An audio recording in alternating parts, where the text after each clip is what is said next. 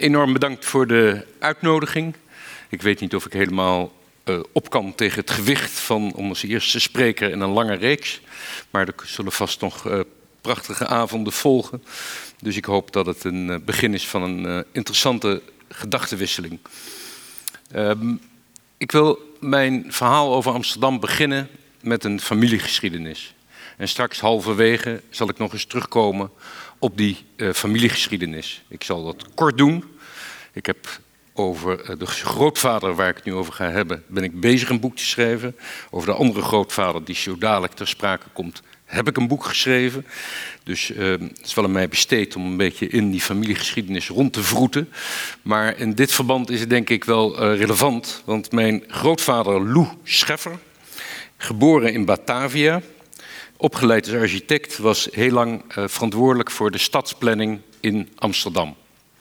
Om precies te zijn, van 1928, toen hij hoofd werd van de afdeling stadsontwikkeling, tot en met 1952, uh, toen hij met pensioen ging. En dat waren natuurlijk opwindende jaren. Voor wie een beetje de geschiedenis van Amsterdam kent, uh, dat waren vooral de jaren van het Algemeen Uitbreidingsplan. Het beroemde plan wat uiteindelijk in zijn verwerkelijking nog heel wat decennia heeft gekost. Maar wat natuurlijk uiteindelijk de westelijke tuinsteden zoals we die nu kennen heeft uh, opgeleverd. En uh, mijn grootvader was daarvoor verantwoordelijk samen met uh, de bekende architect Van Eesteren en Lohuizen. Dat driemanschap ging over de stadsplanning in Amsterdam. En dat is een hele interessante en fascinerende geschiedenis. Maar wat ik, waarom ik er nu naar verwijs is... hij heeft soort van memoires geschreven, in schriftjes. Heb ik allemaal thuis liggen nog. Zwaar aangetast door de waterschade. Want eh, mijn ouders waren daar nou ook weer niet zo uh, op beducht. Om dat goed te bewaren. Uiteindelijk toch weten te redden. En daarin schrijft hij eigenlijk heel mooi over zijn motieven en zijn houding. Waarmee hij uh, in 1928 begon. De tijd is nu te kort, maar ehm, kwam in het archief, toen ik daar aan het zoeken was, een prachtige beschouwing over Amsterdam tegen, waarmee hij zijn aantreden als hoofd van die afdeling inluidde. En dan begint hij met werkelijk zeer poëtische taal. Ik vraag me af of mensen dat nu nog zouden durven te doen. Eerst vier bladzijden lang over de geuren en kleuren van Amsterdam uit te wijden. Eigenlijk een hele lange liefdesverklaring aan de stad. Maar in die uh, memoires uh, vertelt hij hoe hij in 1928 bij zijn aantreden van de gemeentesecretaris het volgende kreeg te horen. Denk erom, meneer Scheffer. Het is wel een moeilijke zaak, maar ook wel erg mooi. En zorg ervoor dat het een groots plan wordt. Amsterdam kan alleen met een groot plan gediend zijn. We houden hier niet van kleinsteeds gepruts. Het commentaar van mijn grootvader afgemeten als altijd. Want het was een man die enorm toegewijd aan de publieke zaak, maar geen woord te veel. Zijn kleinzoon. Ander verhaal. Uh, afgemeten als altijd. Dit is een prettig geluid voor gemeentelijke ontwerpers, die meestal de zuinige kant op worden gedreven. Maar waar het me hier vooral om gaat, is dat dat idee van de tuinsteden was onderdeel van een internationale beweging. In uh, Groot-Brittannië gestart. Maar vooral probeerde hij een antwoord te geven op de segregatie in de stad. En vooral de samenballing van armoede en achterstand in bepaalde stadswijken. En eigenlijk door nieuw te bouwen, ruim te bouwen, te bouwen in het groen. Gewoon de levens van mensen die in de binnenstad van Amsterdam werden verpest door slechte huisvesting. Om dat te verbeteren. Dus er zat eigenlijk achter dat bouwen van die westelijke tuinsteden een zeer uitdrukkelijk beschavingsideaal. En toen ik daar zo op stuitte, vond ik dat erg prachtig. Mijn grootvader schreef in zijn uh, schriftjes: Blijkbaar heeft het ideaal mensen van de meest uiteenlopende levensbeschouwingen sterk aangetrokken. En werd het door mannen, ja, toen waren er alleen nog mannen uh, in dit soort uh, aangelegenheden actief, werd het door mannen met sociaal verantwoordelijkheidsgevoel, een grote stuwkracht en grondige zakenkennis gesteund. Wat ik daar eigenlijk mee wil zeggen met die korte terugblik op die uh, grootvader, en ik ben opgegroeid, uh, want mijn eigen vader was ook uh, stadsplanner en architect. Ik ben opgegroeid in een huis vol met blauwdrukken. En aan mij is het idee van de maakbaarheid en de planning heel erg besteed. Ik geloof dat als we de relativering van de afgelopen jaren goed ons laten doordringen dat wij eigenlijk enorm onderschatten met hoeveel toewijding, met hoeveel inzet vorige generaties aan die stad hebben gebouwd. Ik wil één voorbeeldje noemen. Ik kwam in het archief een correspondentie tegen van mijn grootvader met iemand, en die deed dat dus persoonlijk, correspondentie. Gewoon met iemand die een klein reclamebord ergens op een gracht wilde neerzetten. En die kreeg dus van mijn grootvader een brief van 2,5 pagina voor zijn kiezen. Waarin hij toch echt uitlegt dat de zichtlijnen op die gracht helemaal verpest werden door dit reclamebord. Echt werkelijk ondenkbaar was. Enzovoort, enzovoort, enzovoort. Maar dan besef je met hoeveel zin voor detail, met hoeveel toewijding die stad van generatie op generatie in een hele lange geschiedenis tot, tot stand is gekomen kwam tekeningen tegen van het muntplein, waarbij de munttoren een paar keer zo allerlei versies munttoren ineens verdwenen was, dan een eindje verplaatst was, noem maar op. Er werd enorm nagedacht hoe dat moest, die stad ontwerpen. En wat ik eigenlijk mooi vind, als je die geschiedenis tot je door laat dringen en het beschavingsideaal waarmee die generatie uh, naar die stad keek, dan snap je ook meteen waarom de stad die wij bewonen, naast alle kritische opmerkingen die je ook dadelijk kan maken, natuurlijk nog steeds internationaal enorm vooruitloopt. Nog steeds een baken is van tolerantie, van openheid. Ik heb zelf eh, de laatste jaren in het kader van een onderzoeksopdracht voor de Universiteit van Tilburg veel gereisd in eh, China en Brazilië en India. En alle steden die je daar ziet, dan ontdek je eigenlijk meteen het geheim van onze steden. Namelijk, het zijn allemaal steden die ten diepste zijn gesegregeerd. Waar het publieke ruimte heel erg onder druk staat, zo niet afwezig is. Waar de rijken van de stad zich terug hebben getrokken in gated communities. Die min of meer zelfvoorzienend zijn. als je naar New Delhi gaat, moet je een poort door om een bepaalde wijk binnen te komen. Uh, elk huis heeft een eigen veiligheidsstructuur, eigen waterput voor als de publieke voorzieningen wegvallen, eigen generator. Mensen creëren een eigen verzorgingsstaat ommuurd om zich te immuniseren van de criminaliteit, de armoede, het lijden van een heel groot deel van de stad. En dan een stad als Amsterdam, die nog steeds relatief open is. Eigenlijk is het een wonder. En dat zie je misschien pas door de wereld heen te reizen. Ook in Amerika te zien hoe arm en rijk steeds verder eigenlijk fysiek uiteengroeien. En hoe rijk zich letterlijk ommuurt. Dus dat vooraf gezegd, ik zie heel goed de betekenis van de erfenis en ook dus dat kleine draadje wat ik probeerde daar doorheen te leggen van uh, die familiegeschiedenis. En ik wil dus aansluiten bij die traditie door hier te pleiten allereerst voor de maakbare stad. Ik heb het gehoord natuurlijk de afgelopen jaren, hè, een discussie over globalisering. Vergeet de maakbaarheid. Pensioenen zijn niet meer stabiel, uh, illegaliteit neemt toe, ongelijkheid neemt toe, grote bedrijven betalen geen belasting en dan komt het vervloekte zinnetje, wen er maar aan.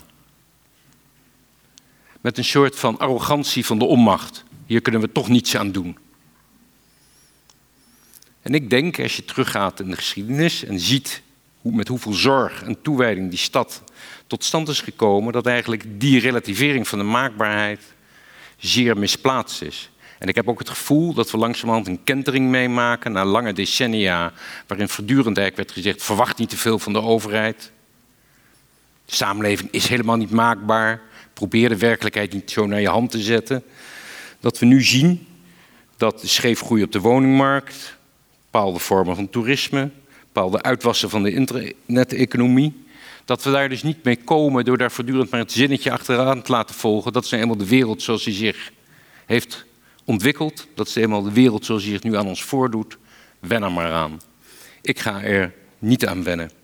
Ik geloof dat ook met het oog op die geschiedenis van stadsplanning in Amsterdam, maar ook als je kijkt naar bijvoorbeeld de hele geschiedenis van de waterschappen in Nederland, hoe eigenlijk onder de grond enorm veel voorwaarden worden gecreëerd voor de beschaving boven de grond. Ik bedoel, dat is dagelijks. Er zijn 1200 rattenvangers in Nederland actief. Ik wist dat niet, maar er zijn fulltime heel veel mensen die zich bezighouden met het vangen van ratten. Ik geloof trouwens 1200 nu te veel is. Ik geloof dat er 400 zijn, ik zeg het even op mijn hoofd. Doet er niet toe. Er zijn in ieder geval heel veel mensen in Nederland die zich bezighouden met alleen zoiets. En we realiseren ons dat niet, want we leven natuurlijk dagelijks gewoon met al het comfort van een goed functionerende, uh, of redelijk functionerende stad. Maar al die besluiten die daar worden genomen, al die keuzes die worden gemaakt. Ik geloof dat dat eigenlijk een heel belangrijk eh, traditie is. En als deze tijd ergens om vraagt, is het wel het opnieuw overdenken van de maakbaarheid, de maakbare stad. Dat is nodig, want als we iets van deze tijd willen begrijpen, zou ik ook zeggen de machteloosheid. Vervat in dat zinnetje, wen er maar aan. Machteloosheid zoekt altijd een uitweg. Dus het idee take back control, wat natuurlijk ten grondslag ligt aan ook de opkomst van populistische partijen, is natuurlijk een uitdrukking van het gevoel van de samenleving ontglipt, ons. De internationalisering wordt steeds moeilijker om daar antwoorden op te geven. De anonieme krachten die het samenleven in de stad beïnvloeden, zijn moeilijk om daar antwoorden op te geven. Maar ik denk eerlijk gezegd dat het beeld wat daaronder lag, namelijk dat de ontgrenzing van de wereld de vrijheid als vanzelf zou dienen. Het idee hoe minder grenzen we hebben, hoe grenzelozer de wereld wordt, hoe vrijer we zijn. En ik denk dat, en dat wil ik nu aan de hand van een aantal concrete voorbeelden illustreren, maar naar mijn idee dus een nieuwe noodzaak om een ideaal van maakbaarheid, wat uiteindelijk ook een beschavingsideaal is om het vorm te geven, dat dat beeld van eh, de vrijheid wordt gediend bij ontgrenzing alleen, dat dat niet klopt. We moeten opnieuw nadenken over grenzen stellen, in de brede zin van het woord, juist om de vrijheid opnieuw vorm te geven. Dus als voor mij de vraag wordt gesteld, hè, waar gaat dat maakbaarheidsideaal dan over, dan is het uiteindelijk de zoektocht naar een vorm van de vrijheid. In de eerste plaats wil ik het voorbeeld noemen, en ik zal iets zeggen over de woningmarkt, ik zal concreet iets zeggen over de omgang met de deeleconomie en dan eindigen dit deel van mijn betoog met een aantal opmerkingen over de omgang met prostitutie in de stad. Dus ik wil het proberen concreet te maken. Als ik zie de scheefgroei op de woningmarkt, dan kan ik niet denken dat als we dat zouden laten voortgaan, dat deze stad nog een vrije stad kan worden genoemd. Als de middenklasse van een stad, de middeninkomens, of mensen die uh, daaronder verdienen, niet meer in de stad kunnen wonen waar ze werken, dan is er iets grondig mis met de stad. Vorig jaar heeft 12% van de jonge gezinnen in één jaar tijd de stad verlaten, omdat men eenvoudigweg geen betaalbare woning hier meer kan vinden. Midden 2018 waren de prijzen in één jaar tijd, het jaar daarvoor, met 20% gestegen. Tot meer dan 450.000 euro gemiddeld. Ik ben nog van de tijd van de gulden, dus ik reken dat ook af en toe nog eens om. Dat gaat dus gewoon over een miljoen gulden voor een gemiddelde prijs voor een woning toch altijd goed om nog even. Ik weet wel dat ik mij nu zelf enorm disqualificeer om verder over de toekomst te spreken. Maar dat is de prijs die ik graag betaal. 1 miljoen gulden gemiddeld. Nu vlakken die prijzen iets af binnen de ring. Buiten de ring stijgt het nog door. Maar je voelt natuurlijk wel dat dat uiteindelijk enorm bedreigend is voor een open, niet gesegregeerde stad die een vrijheidsideaal wil omarmen. Dus er staat nogal wat op het spel. Het gaat niet alleen maar om een materiële uh, kwestie als het over de woningmarkt gaat. Die krankzinnige prijsstijging heeft natuurlijk alles te maken met de mismatch tussen enorme vraag en aanbod. Die groeiende vraag heeft alles te maken met een geweldig snelle bevolkingsgroei in Nederland. Dat nemen wij een beetje als een natuurgegeven. Daar ga ik wel eens een andere keer over uitweiden. Maar de Nederlandse bevolking is de afgelopen 20 jaar met anderhalf miljoen mensen gegroeid. Nederlandse bevolking is nog nooit zo snel gegroeid in de hele geschiedenis. En dat gaat in dit tempo voorlopig nog door. In de metropoolregio Amsterdam is net een plan ontvouwd, moeten 230.000 woningen bijkomen. Dat is natuurlijk een geweldig ambitieus plan, zeker als je het bouwtempo van de jaren uh, die achter ons liggen in ogenschouw neemt. Uh, de komende 20 jaar, dat, dat zullen we zien, dat zou natuurlijk een geweldig effect kunnen hebben op de toegankelijkheid en bereikbaarheid van de stad. En ik zou ontzettend veel ervoor over hebben om ook een gesprek te hebben dan over de architectonische kwaliteit van deze 230.000 woningen. Als we dan hebben en nog even terughaken naar die vorige generatie stadsplanners, dan ging het nooit alleen maar over kwantiteit, het ging ook heel erg over architectonische en stedelijke kwaliteit. En als we nu dus voor zo'n grote opdracht staan, zou ik zeggen, dan mogen we ook wel een beetje gaan nadenken over de, hoe gaat dat eruit zien. Die scheefgroei heeft natuurlijk ook met speculatie op de woningmarkt te maken. In een tijd dat geld niets meer waard is, kopen heel veel mensen huizen om die te exploiteren. Ook buitenlandse vastgoedbeleggers slaan nu hun slag. Steeds meer woningen worden onttrokken aan de woningmarkt. Bijvoorbeeld door, om schaduwhotels eh, via Airbnb op te richten. En ik zou zeggen, uh, en ik zie dat het gemeentebestuur eigenlijk daar ook naar zoekt en zich afvraagt hoe ver kunnen we gaan binnen de bestaande wetgeving. Maar ik zou zeggen, als we niet ver genoeg kunnen gaan binnen de bestaande wetgeving, dan moet die wetgeving worden aangepast. Maar wat nu dan heet met een wat lelijk woord, zelfwoonplicht. Klinkt niet prettig, maar uiteindelijk komt er gewoon op neer dat mensen die een huis kopen er ook zelf in gaan wonen. Nou, dat is wel een heel simpel en belangrijk uitgangspunt. En dat wordt nu voor nieuwbouw afgesproken. En ik zou dolgraag willen dat we in de een of andere vorm iets van dat beginsel ook voor de bestaande huizen in Amsterdam zouden kunnen doorvoeren.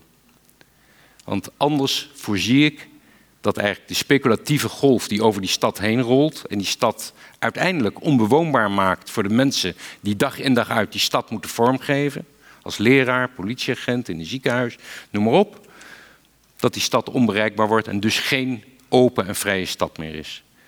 Dan een paar korte opmerkingen over een ander aspect van die verandering van Amsterdam, namelijk de omgang met de deeleconomie.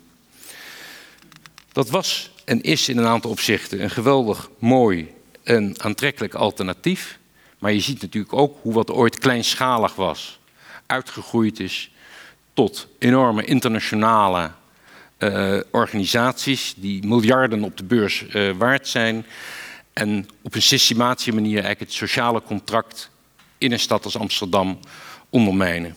We hoeven het niet te lang te hebben over de taxibranche hier, die overigens al lang geleden heeft onder ook slechte keuzes van dit stadsbestuur en ook van landelijke overheden. Ik het over de laatste 30 jaar. Maar in ieder geval de omgang met Uber vraagt naar mijn idee ook om nieuwe regulering. Je ziet hier ook hoe de vrijheid om kan slaan in een nieuwe onvrijheid als we niet hier ook met een nieuwe regulering proberen antwoorden te geven. Ik zie ook in dit opzicht dat het stadsbestuur dat probeert. Maar ik raad u alle aan nog eens het gesprek in de Volkskrant te lezen met Thijs Emons, CEO voor de Benelux van Uber. Dat vond ik wel een ontluisterend interview. De aanleiding waren vier dodelijke ongelukken in Amsterdam. En hij moest wel uit zijn digitale schulp kruipen. En je zag hier een bestuurder die weliswaar waarschijnlijk met erg veel technisch vernuft naar de wereld kijkt, maar werkelijk zich nog nooit af had gevraagd dat alles wat zij technisch zo kunnen bewerkstelligen, dat dat ook reële effecten heeft in de samenleving. En hij werd geconfronteerd met deze doden. En zijn commentaar was: als je terugkijkt, zie je alles ineens in een 2020 vision. Heel duidelijk. Uit het vervolg van het interview bleek heel veel, maar niet dat hij enige duidelijkheid kon schaffen over wat er dan zou gebeuren. Een niet helemaal bestormende organisatie als Veilig Verkeer Nederland wil Uber van de weg. En ik zou zeggen, hier is ook alle aanleiding om serieus in te grijpen. We maken nu, vind ik, nog steeds te veel een knieval voor bedrijven die in de kern zich niet willen laten reguleren. Waarom niet? Omdat deregulering is de kern van hun verdienmodel. Dus elke poging tot regulering van Airbnb, van Uber, stuit gewoon af op de kernopdracht van deze ondernemingen en waar ze geld mee maken, namelijk deregulering. Niet naar de basis van een sociaal contract willen leven. En ik denk dus wat er in Brussel is gebeurd en andere steden waar de rechter zich voor een verbod heeft uitgesproken, ik zou eerlijk gezegd wel die vraag willen stellen hier of we niet ook juist om die stad tegen de uitwassen van deze interneteconomie te beschermen, om het goede van die interneteconomie te kunnen behouden. Want er zit natuurlijk ook heel veel moois en interessants in die deeleconomie. Maar dit is niet meer een deeleconomie, dit zijn nieuwe monopolies die het sociaal contract in de stad vergaand ontwrichten. Ik zou nog iets willen zeggen over Airbnb, maar au fond is dat denk ik een vergelijkbaar uh, pleidooi. Dat je ziet de zoektocht naar nieuwe antwoorden, waarbij het uitbaten van woningen als schaduwhotels staat voor veel meer. Het laat natuurlijk zien dat een tijd van ontgrenzing de markt steeds meer de persoonlijke levenssfeer van mensen, en dat is toch in eerste plaats het huis waar je in woont, tot een rendabel, exploitabel uh, gegeven maakt. Dus in die zin is de deeleconomie leidt natuurlijk tot een uitdijende markt die steeds meer ook de persoonlijke levenssfeer van mensen, maar ook ongevraagd van buren van die mensen, op allerlei manieren aanraakt. Ik vraag me af, als ik naar de stad kijk en ik zie hoe uh, huizenprijzen in wijken waar Airbnb met name uh, opkomt, 20.000 adressen nu, als ik het goed heb begrepen. Een derde daarvan, naar schatting, houdt zich helemaal niet aan de door de gemeente voorgestelde zeer timide regulering. En je moet je afvragen, hoe lang kan je hiermee doorgaan om zoveel van de woningvoorraad in de stad, waar toch al woningen schaars goed zijn voor de mensen die er wonen, te laten onttrekken. En ook dus eigenlijk schaduwhotels de woonbaarheid van wijken te laten beïnvloeden. Ten slotte, na dus een paar opmerkingen over de scheefgroei van de woningmarkt, die uitdijende interneteconomie, wil ik nog een ander voorbeeld noemen van hoe vrijheid in een tijd waarbij zou zeggen, regulering moet juist terugtreden, makkelijk kan opslaan in onvrijheid. En dat is natuurlijk de omgang met prostitutie.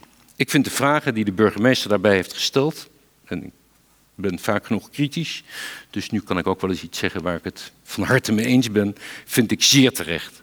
We zien hoe een poging tot normalisering van prostitutie langzaam is omgeslaan in een nieuwe onderdrukking. De raamprostitutie, als je er goed over nadenkt, is wel een dieptepunt. Ik begrijp dan ook helemaal niets van alle honende commentaren die zeggen als je dat wil aanpakken, dan leidt dat tot vertrutting van Amsterdam.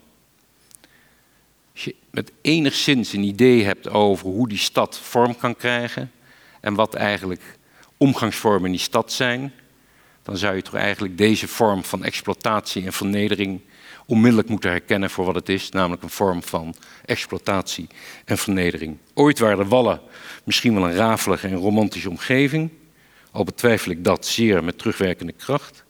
Maar nu is het wel duidelijk dat het een buurt is geworden waar vrouwenhandel, criminaliteit de toon zetten. Het eufemisme van sekswerkers, ik begrijp de term, begrijp ook de poging om de handreiking te doen naar vrouwen die in deze bedrijfstak uh, terecht zijn gekomen. Of misschien daar soms voor kiezen. Maar die term laat natuurlijk zien dat eigenlijk die wantoestand, die wat geromantiseerd is, jarenlang beeldbepalend is voor een stad als Amsterdam. En ik vraag me af hoe lang je daarmee wil doorgaan. Juist als je de vrijheid in deze stad wil verdedigen. Juist als je de tolerantie in deze stad wil verdedigen. Ik denk dat er veel moed voor nodig gaat zijn van bestuurders en bewoners om de vermenging van onder- en bovenwereld, de burgemeester verwees er al even naar, die vooral door de drugseconomie steeds verder is doorgedrongen, om die een halt toe te roepen. Hier zien we zo duidelijk dat het gedogen de ruimte vergroot van mensen die hun macht willen misbruiken. Gedogen werkt nooit ten voordele van de mensen met weinig macht. Gedogen creëert altijd ruimte voor de mensen met macht. En dan heb ik het hier niet over het gedogen, wat een anticipatie is op een nieuwe rechtsverhouding. Bijvoorbeeld als je een nieuwe abortuswetgeving hebt, dan kun je daarop vooruitlopen. Maar hier gaat het over gedogen die niet vooruitloopt op een nieuwe rechtstoestand, maar eigenlijk een permanente conditie wordt. En we zien daar nu de rampzalige gevolgen van. Ik mocht een woordje spreken bij het afscheid van Frank Pauw die nu uh, getransfereerd is naar uh, Amsterdam, zeer tot verdriet van uh, Rotterdam. Overigens wel een Ajax-fan, dat hadden ze in Rotterdam sowieso moeite mee. Maar die deed daar bij dat afscheid nog eens even uit de doeken hoe in Rotterdam en Amsterdam de drugseconomie, hoe omvangrijk die is geworden. Hij zei, wij hebben met de politie, vangen wij ongeveer 2% op dit moment van de drugstromen. Hij zei, als wij in een ziekenhuis zouden werken, en er zouden artsen zijn die maar 2% van de patiënten genezen. Dan zou onmiddellijk het ziekenhuis worden gesloten. Maar hij zei, dit is wel de conditie van de politie. Op dit moment als het gaat over drugscriminaliteit.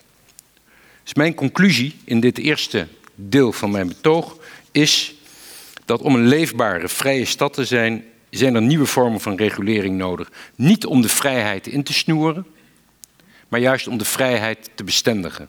In een tijd die grenzelozer wordt, moet de stad een nieuw beschavingsideaal omarmen en het idee van de maakbare stad terugwinnen. Dat is één kant van de stad. Je zou kunnen zeggen voor een deel de materiële kant van de stad.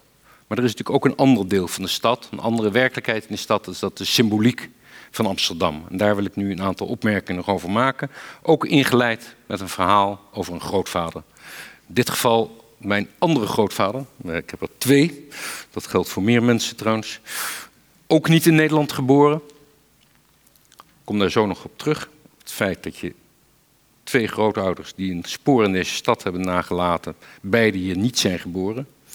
Maar zijn levensverhaal ik geboekstaafd. Het is een Joodse familie die uit het noorden van Duitsland kwam, via Lübeck en Hamburg naar uh, en Keulen naar Amsterdam zijn gekomen. Hij was letterkundige en filosoof, gaf les op de openbare handelschool op het Raamplein. En gezien zijn achtergrond, Joodse familie uit Duitsland, was hij al in 1933 zeer gealarmeerd over de opkomst van Hitler in Duitsland. En hij sprak in allerlei boeken die hij schreef over de tragiek van het humanisme. Zijn humanisme, dat hij aanhing, wilde over etnische, nationale en religieuze verschillen heen reiken. Maar hij wist die houding, die het algemeen menselijke wil omarmen, juist de mensen wil zien voorbij al hun verschillen, het algemeen menselijke wil benadrukken, is kwetsbaar, omdat dat humanisme anders dan een nationalisme, dat zich kan beroepen op volk, vlag en vaderland, of religieuze identiteit of etnische identiteiten, heel weinig concrete symbolen heeft. Hij zei, het algemeen menselijk is een ontzettend belangrijke norm, maar moet het vaak afleggen tegen een beroep op nationaliteit, etniciteit, religiositeit. Allemaal veel concretere symbolische uh, werkelijkheden.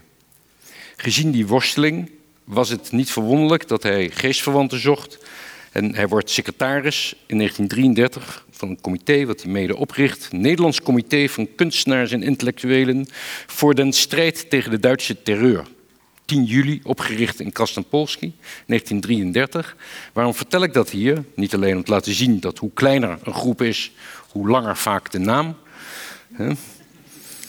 Maar ook vooral om te laten zien dat dat comité onmiddellijk door de veiligheidsdiensten ook van deze stad werd gevolgd. We leven in een tijd, 1933, van neutraliteit in Nederland. En dat comité werd gezien als een ondermijning van de staatsveiligheid. Namelijk, Hitler was een bevriend staatshoofd voor het neutrale Nederland. En iedereen die zich daartegen verzette, waren A, werden die gedefinieerd als communist. Dus mijn grootvader werd ook. de notulen en verslagen van de, van de ehm, veiligheidsdiensten kunnen terugvinden. Werd daar ook als communist aangesproken en geïdentificeerd. Mensen werden ook bedreigd met, een, uh, met ontslag. Om die reden, Colijn, toenmalige minister-president, mengde zich erin. Ik vertel het A om te laten zien dat ik zelf heel erg door die erfenis ben beïnvloed. Namelijk het denken over de stad, de samenleving, de open stad, de open samenleving. Dat dat een kwetsbare uh, realiteit is, die helemaal niet vanzelf spreekt. Maar ook om te laten zien dat die geschiedenis van de stad, van Nederland, natuurlijk heel veel problematische kanten heeft. En dit is er één van. Dat de mensen die opstonden tegen Hitler-Duitsland werden geïdentificeerd eigenlijk als mensen die de staatsveiligheid ondermijnden in Nederland. Ik heb me altijd verwant gevoeld met uh, zijn mengeling van humanisme en pessimisme. In die zin dat hij het algemeen menselijke wilde omarmen, maar tegelijkertijd pessimistisch was omdat hij zag hoe kwetsbaar die norm is, hoe moeilijk het is om die overeind te houden. Maar uiteindelijk probeerde hij natuurlijk daar aan voorbij te denken. En als ik nu kijk naar Amsterdam, naar de symboliek van de stad, naar de stad als een verbeelde stad. Dus ik heb iets willen zeggen over de maakbare stad, nu wil ik iets zeggen over de verbeelde stad. Dan zou ik zeggen, uh, het is helemaal geen vanzelfsprekendheid, maar bijna een wonder dat mensen met zoveel verschillende achtergronden in een vrij kleine stad op een betrekkelijk vreedzame en productieve manier met elkaar samenleven. En om dat vol te houden, hebben we denk ik woorden nodig, beelden nodig, die voorbij verlegenheidswoorden als diversiteit reiken. Natuurlijk, Een open samenleving bestaat uit diversiteit. Mensen hebben verschillende achtergronden, hangen verschillende goden aan, spreken misschien ook verschillende talen thuis. Allemaal eigenlijk de conditie van een open samenleving. De kernvraag die het bestuur van een stad, maar ook alle inwoners moeten stellen is: wat hebben we aan gemeenschappelijkheid nodig om met al die verschillen samen te kunnen leven? En dan schiet de term diversiteit, naar mijn idee, tekort. Die beschrijft iets, belangrijk om onder woorden te brengen, ga ik hem niet bestrijden. Maar mijn vraag zou zijn: hoe komen we voorbij dat beeld? Want het is toch een beetje een verlegenheidswoord om te zeggen: diversiteit, het enige wat ons karakteriseert, zijn onze verschillen. Dat blijkt ook wel uit onderzoek dat die opdracht van in een diverse stad samen te leven weerbarstig is. Uh, de WRR, ons, ons, instituut voor uh, wat de regering adviseert, heeft onlangs een onderzoek gedaan. De nieuwe verscheidenheid. En die stellen vast dat de toenemende diversiteit, en dan moeten we dus niet alleen aan de klassieke migrantengemeenschappen denken, maar ook aan migranten uit Amerika, Duitsland, Zweden, noem maar op. Syrië, zijn natuurlijk nu is de diversiteit moeten we ook de diversiteit van die diversiteit leren denken. Dus niet alleen die klassieke migrantengemeenschappen. En zij zeggen, uit onze analyse blijkt, dat is de eerste keer dat er een onderzoek is gedaan gebaseerd op alle postcodegebieden van het hele land. Uit onze analyse blijkt dat wanneer een buurt meer divers is, inwoners de buurt als minder cohesief beoordelen. Behalve de diversiteit van de buurt heeft ook sociaal-economische achterstand een negatief effect op buurtcohesie. De invloed van diversiteit is echter een stuk groter. Ook buurten met veel westerse, hoogopgeleide migranten blijkt dat toenemende diversiteit lijkt tot afnemende samenhang. Dus het gaat helemaal niet over de specifieke achtergrond hier, maar puur. Je kunt heel veel vragen bij dat onderzoek stellen, daar gaan we het nu even misschien straks nog over hebben. Het gaat hier ook over een momentopname. Maar wat eigenlijk uh, voor mij de vraag is die dat onderzoek, en heel veel vergelijkbare onderzoeken oproept, is niet te zeggen dat ze fataliteit, diversiteit leidt tot afnemend vertrouwen en dat is het. Maar de vraag te stellen, wat kunnen we in die stad met elkaar eh, tot stand brengen om voorbij dat beeld van we zijn allemaal verschillend, iets onder woorden te brengen over de gemeenschap die nodig is om met die verschillen samen te leven. En opnieuw zien we, denk ik, ook hier dat vrijheid niet alleen bestaat bij gratie van het leven en laten leven. Dat is een goed vertrekpunt als het over diversiteit gaat, maar het is te weinig. Laat ik daar een paar voorbeelden van noemen, tot slot van mijn betoog. Ik heb nog vijf minuten, zie ik, ehm, om daar een paar indrukken te geven van hoe ik mij die verbeelde stad, concreter dan wat ik tot nu toe gezegd heb, uh, voorstel. De uitnodiging is denk ik om van een verdeeld verleden een gedeeld verhaal te maken. Daar horen de dieptepunten van onze geschiedenis bij. Kolonialisme, slavernij, collaboratie. Ik verwees net al even naar die geschiedenis van de oorlog en hoe het neutrale Nederland om is gegaan met de critici van Hitler-Duitsland. Die horen allemaal bij. En die komen dan ook tegen in het verhaal, zoals dat nu bijvoorbeeld in de kanon van de Nederlandse geschiedenis is omschreven. Ik was zelf in 2002 al betrokken bij het slavernijmonument als ambassadeur. Ik moet altijd een beetje lachen als mensen dan schrijven wel iets in kritische zin. Ja, die probeert de geschiedenis, die kant van de geschiedenis weg te moffelen. Ik heb uitvoerig geschreven over Anton de Kom en noem maar op. Dus voor mij is dat een hele, niet alleen een, een opdracht, een geleerde opdracht. Je denkt dat moet nu. Nee, ik vind echt dat het bij het beeld van de stad hoort om juist als we de geschiedenis van de vrijheid in deze stad willen traceren, moeten we ook de dieptepunten van die stad tot ons laten doordringen. Anders begrijpen we niet, en dat is voor mij de kern, waarom een open stad kwetsbaar is. Maar als je naar alle polemiek kijkt over het koloniale verleden, dan gaat dat toch onbewust vaak uit van de gedachte dat er een betekenisvolle gemeenschap is die rekenschap moet afleggen. Waarom zouden we ons druk maken over zoiets als de slavernij als we er geen bijzondere verantwoordelijkheid voor dragen. De benaming van het gedenkteken voor de slavernij is al te duidelijk. En ik kan me nog gesprekken daarover herinneren. Nationaal monument slavernijverleden. Dus hier wordt een expliciet beroep gedaan op Nederland en dus ook op Amsterdam om zich dat verleden te herinneren. Dus het is niet een diffuus verleden wat iedereen binnen en buiten de grenzen gelijkelijk ze moeten aanspreken. Nee, hier wordt een specifiek appel gedaan om te zeggen: dit is een geschiedenis die deze gemeenschap, Nederland, Amsterdam als onderdeel van, zich moet willen herinneren. Ik zou zeggen, wat zich nu als identiteitspolitiek aandient, vind ik in essentie vormen van emancipatie. En die ontvoogding zie ik als vooruitgang, zolang de gemeenschap die wordt gemaand om ruimte te maken, maar niet uit het oog wordt verloren. Wie zegt, dit land is ook van ons, wil toch tegelijkertijd zeggen, wij zijn onderdeel van dit land. Deze stad is van ons, maar je kunt je als buitenstaander wel iets toe-eigenen, maar op het moment dat je het toe hebt geëigend, ben je ook geen buitenstaander meer. Dat moet, naar mijn idee, de wil zijn om je iets toe te eigenen. En ik zou zo graag voorbij de etnische verkaveling van het verleden willen reiken. Ja, we hebben een verdeeld verleden, maar waarom kunnen we daar geen gedeeld verhaal van maken? Mijn beide grootouders zijn hier niet geboren. Ze zijn in Keulen geboren en in Batavia. Toch hebben ze hier een spoor getrokken en achtergelaten.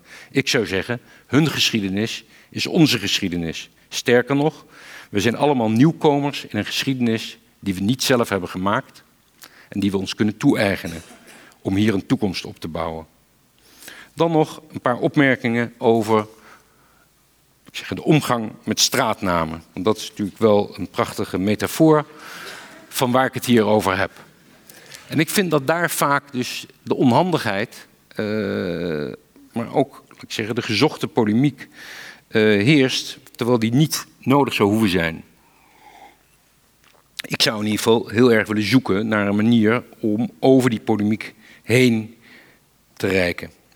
Van alle kanten wordt, of niet van alle kanten, maar van toch wel verschillende kanten, wordt op aangedrongen om namen of herinneringen eh, te verwijderen die verwijzen naar een beladen geschiedenis. Koentunnel, Mauritshuis, Von Heutz monument zijn voorbeelden van een kleine beeldenstorm waar soms zinnige, soms onzinnige verlangens, zoals we vaker in de werkelijkheid, allemaal door elkaar lopen. In een gesprek met de Volkskrant zegt Sofia Hernandez Chong Koei, prachtige naam, de nieuwe directeur van het Witte Withuis, waar ook de naam van gaat veranderen, zegt... Mensen zijn bang dat met een naamsverandering de geschiedenis wordt uitgewist. Waarom zou die angst belangrijker zijn dan de angst dat delen van de geschiedenis niet erkend worden? Sommigen vrezen het uitwissen van de geschiedenis, anderen vrezen dat zij het zijn die zijn uitgewist. Ik zou zeggen, op die manier loopt een hoognodig gesprek over de koloniale tijd bijvoorbeeld uit op een padstelling, namelijk uitvlakken of uitgevlakt worden. Maar is dat werkelijk de kwestie? Ik zou zeggen, er bestaat een onvermogen op dit moment om verschillende waarheden naast elkaar te laten bestaan. Het idee dat de geschiedenis van de een moet wijken voor de geschiedenis van de ander, lijkt mij in ieder geval geen uitdrukking van diversiteit. Hier is een andere gevoeligheid gevraagd. We kunnen nieuwe namen toevoegen, zonder de oude namen te schrappen. De Koentunnel hoefde geen andere naam te krijgen om een plein te vernoemen naar de Surinaamse schrijver en held Anton de Kom. Om een monument ter herinnering van de slavernij op te richten, was het niet nodig om het Van Hertz monument te slopen. De stelregel, vind ik, maar ik hoor graag hoe u daarnaar kijkt, bij zulke conflicten maakt de ruimte van het samenleven groter. Het spiegelgevecht van ontkenners en omdopers levert vooral verliezers op. Wanneer we de omgeving gaan kuisen, weten we misschien wel waar we beginnen, maar niet meer waar we eindigen. Waarom hangt de naam van de antisemiet Richard Wagner zo prominent in de zaal van het concertgebouw? En kan het beeldplein in Franeker nog wel? Die politicus was toch verantwoordelijk voor de oorlog in het voormalig Nederlands-Indië. En nu we toch bezig zijn, waarom is er in Rotterdam een Pijke Kochplein? Was die schilder niet heel erg fout in de oorlog? Ja, die was inderdaad heel erg fout in de oorlog. En dan komt ooit, eerder dan gedacht, een discussie over de Gandhi-laan in Amsterdam. Want wie zich een beetje verdiept in recente biografieën over dit icoon van de 20e eeuw, struikelt al snel over Gandhi's omgang op hoge leeftijd met jonge vrouwen en meisjes. De details kunt u zelf lezen, maar volgens de normen van de MeToo-beweging schoot hij zacht gezegd heel erg tekort. Ik had nog iets willen zeggen over de omgang met religie in het publieke domein. Dat kunnen we misschien even doen als we straks uh, nog met elkaar spreken. Ik wil nu afronden. Ik heb iets willen zeggen over de maakbare stad en de verbeelde stad. Vaak heb ik de indruk dat de materiële kant, de woningmarkt, de arbeidsmarkt, alle vragen rond ongelijkheid, veel meer emotie oproepen, veel minder emotie oproepen dan de symbolische kant. Als het gaat over de rol van religie, identiteit, geschiedenis. Als het gaat over vervreemding. Dat verbaast me niet, maar ik denk dat we beide in het oog moeten houden. Zowel de materiële kant van de stad als de symbolische kant van de stad. Mijn conclusie is, als ik terugkijk, ook op die acht jaar dat ik hoogleraar was op de Wieboud leerstoel, dat er niet alleen een probleem is aan de onderkant van de stedelijke samenleving, als het gaat om de betrokkenheid bij de eigen leefomgeving, maar ook aan de bovenkant kan er meer worden gedaan om talentvolle mensen te betrekken bij het denken over de toekomst van de stad. Bestaat een enorm rijke cultuur van denken en plannen. Ik heb er naar verwezen. Maar ik heb het gevoel dat veel van die ideeën te weinig zichtbaar is voor de oude en nieuwe ingezetenen. En dat er veel meer kruisbestuiving kan ontstaan tussen de binnenwereld van beleid en de buitenwereld van burgers. Alle stadsbestuurders lezen het werk van Richard Florida over de creatieve stad. Zijn stelling is: steden met veel technologie, talent en tolerantie doen het beter dan andere steden.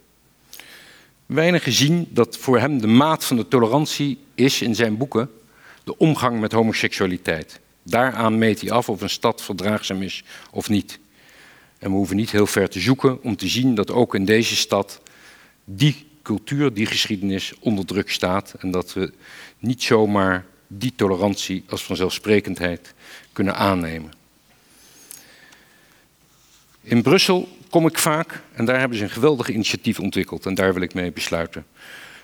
Namelijk Future City Champions. Dat is een programma voor talentvolle Brusselse jongeren, zeer uiteenlopende komaf, um, die maatschappelijke initiatieven willen maken voor de inwoners van het Brussels hoofdstedelijk gewest. Gedurende acht maanden krijgen die jongeren een professionele begeleiding en een beurs om hen te helpen bij het slagen van een maatschappelijk project. Ze geven vorm aan de toekomst en architecten van een betere manier van samenleven. Dat wordt nu al een aantal jaren gedaan. En ik zou eigenlijk hopen dat in het kader van Amsterdam 750 jaar, waar ik zelf zeer bij ben betrokken, nog zes jaar te gaan, dat we eigenlijk zulke initiatieven, om niet alleen te zeggen er is een probleem, het kraakt en piept soms aan de onderkant van het maatschappelijk gebouw, maar er is nog veel meer te doen om alle talent alle creativiteit die in die stad bestaat, om die te verbinden met het denken over de toekomst van de stad. En ik heb wel gezien dat alle projecten die nu de ronde doen in het kader van Amsterdam 750 jaar, alle pogingen om de maakbare stad en de verbeelde stad te verbinden met deze verjaardag, die zijn talrijk. En ik heb het idee dat op het moment dat dat straks publiekelijk uh, wordt, aan het eind van dit jaar, dat we ontzettend veel kunnen losmaken. Eigenlijk hebben we nog maar heel kort de tijd, nog maar zes jaar te gaan. Hierbij wilde ik het laten. Ik dank u voor uw aandacht.